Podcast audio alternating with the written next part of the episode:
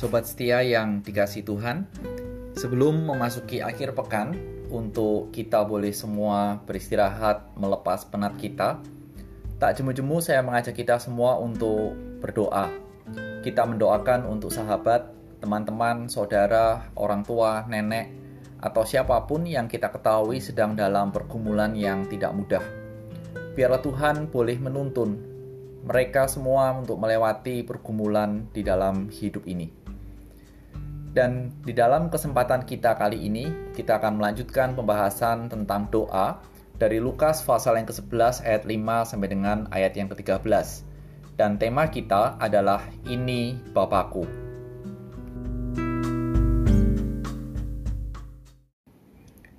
Lalu katanya kepada mereka, Jika seorang di antara kamu pada tengah malam pergi ke rumah seorang sahabatnya dan berkata kepadanya, Saudara, pinjamkanlah kepadaku tiga roti.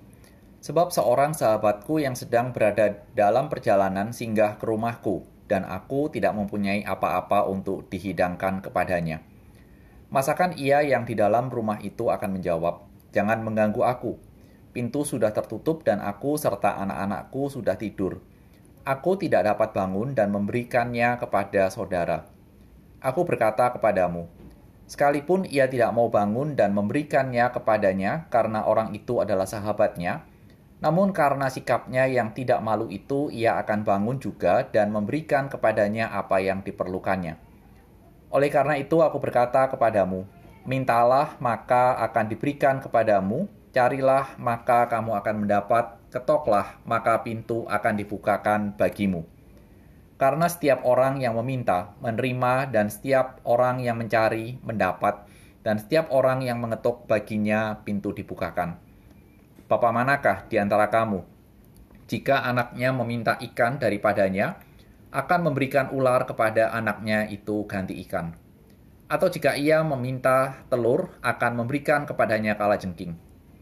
Jadi jika kamu yang jahat tahu memberi kepemberian yang baik kepada anak-anakmu, Apalagi Bapamu yang di surga, ia akan memberikan roh kudus kepada mereka yang meminta kepadanya.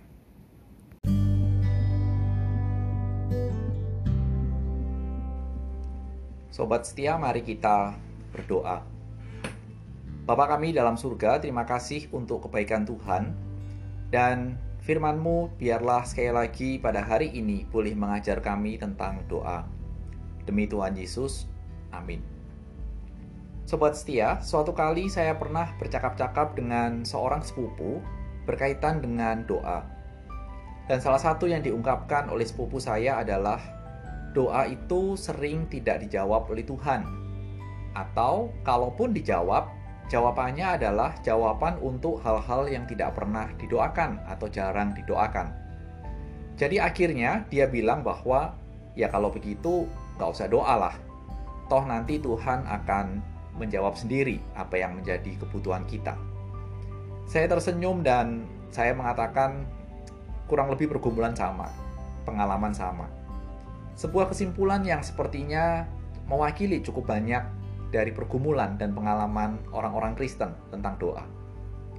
Apakah sobat setia juga memiliki pengalaman dan pergumulan doa seperti itu? Kalau iya, mari kita lihat apa yang diajarkan oleh Lukas.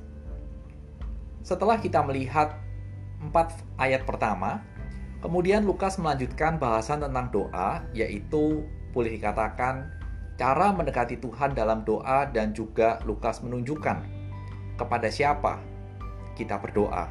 Seperti apa sih Bapa di surga itu? Lukas menggunakan dua cerita yang bisa dikatakan cerita ini mungkin kita ingat dan memiliki sebuah kesan bagi zaman itu dan bagi zaman ini pun mungkin tetap memiliki nuansa yang lucu. Mengapa lucu dan mengapa berkesan dan mudah diingat? Perhatikan cerita pertama. Cerita pertama Lukas menggambarkan bahwa ada seorang yang pergi ke rumah sahabatnya karena seorang sahabatnya yang lain singgah di rumahnya. Dan dia tidak punya makanan untuk dimasak dan disajikan atau dihidangkan dan kondisi itu didukung atau terjadi dalam waktu yang adalah tengah malam. Dan sobat setia yang dikasih Tuhan, Saat itu kita mesti ingat, belum ada supermarket 24 jam. Belum ada Indomaret atau Alfamart yang buka 24 jam. Sikon di tengah malam dapat dikatakan sikon yang enggak banget. Karena pasti secara umum semua orang sudah tidur. Tapi relasi sahabat yang kuat membuat orang ini boleh dikatakan nekat. Dia datang ke rumah sahabatnya, mengetuk pintu dan mengatakan, Ayolah, bukain pintunya dan berikan makanan tiga roti untuk sahabatku yang ada di rumahnya, ada di rumahku. Dia berbuat seperti itu bukan semata-mata untuk kepentingannya sendiri, tapi supaya bisa sahabat yang singgah di rumahnya itu makan. Bahasa Lukas dalam Injil Lukas adalah orang ini nggak tahu malu. Dan kengototannya itu membuat sahabatnya memberikan yang diperlukan olehnya. Sobat setia yang dikasih Tuhan, dari cerita ini saya ingin mengangkat satu pengajaran yang bisa kita bandingkan dengan pengajaran dari bagian lain. Bila di cerita ini digambarkan bahwa sahabatnya itu sudah tidur, boleh dikatakan bisa tidur, dan bangun untuk memberikan apa yang sahabatnya perlukan, maka kita bisa melihat bahwa ketika kita berdoa kepada Bapa di surga, Bapa di surga itu tidak pernah tidur, tidak pernah tertidur. Bandingkan dengan Mazmur 121 yang mengatakan bahwa penjagamu tidak akan terlelap. Sesungguhnya tidak terlelap dan tidak tertidur penjaga Israel suatu penggambaran bahwa Allah tidak pernah tidur, Allah selalu standby. Seakan-akan melalui pengajaran ini, Tuhan mengajarkan, bertekunlah dalam doamu. Kalau seorang sahabat yang tertidur saja bisa bangun dan memberikan kepada sahabatnya yang diperlukan, apalagi Bapamu yang di surga. Ini menjadi sebuah penekanan dan poin yang bisa diangkat. Dan inilah yang juga menjadi penekanan dari Tuhan Yesus dalam ayat 9 sampai dengan ayat yang ke-10. Dengan mengajarkan pada murid-muridnya, jika berdoa, teruslah meminta, mencari, mengetuk. Sobat setia yang dikasih Tuhan, tensis yang digunakan dalam bahasa Yunaninya untuk kalimat ini, untuk ayat-ayat ini, memiliki sebuah nuansa yaitu tindakan yang berkelanjutan, terus-menerus, ngotot dalam bahasa sehari-harinya. Mungkin kalau dalam bahasa ayat yang di atas adalah nggak tahu malu, terus-terusan.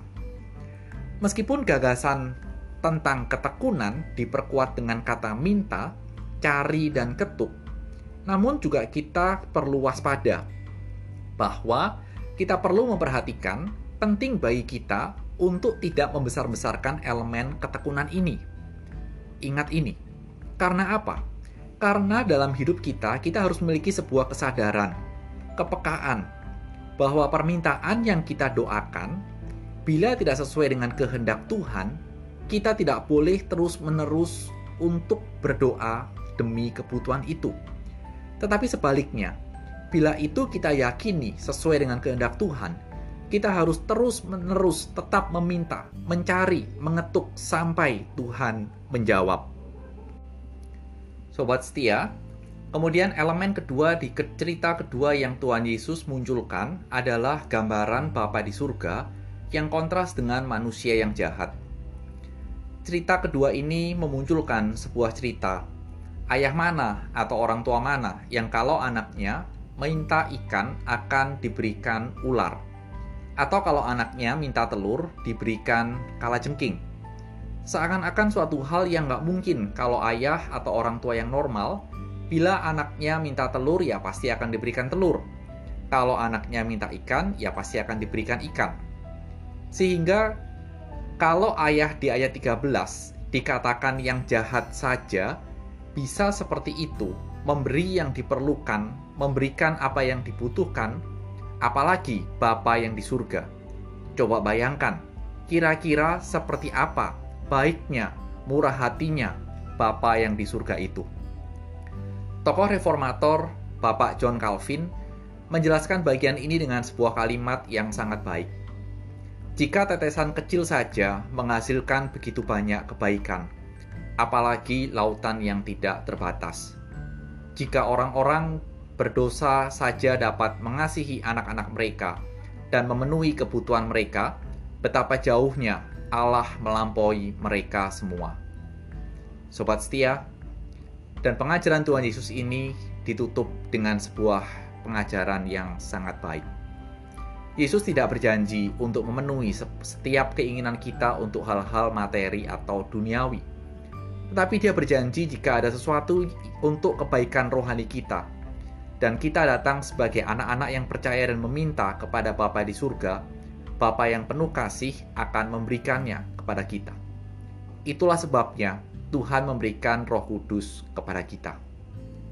Sobat setia yang dikasih Tuhan, inilah Bapakku dan saya yakin Bapak, sobat setia semua. Oleh karena itu, jangan ragu menghampiri Bapa di surga dalam doa kita, guna menggenapkan kehendaknya di bumi.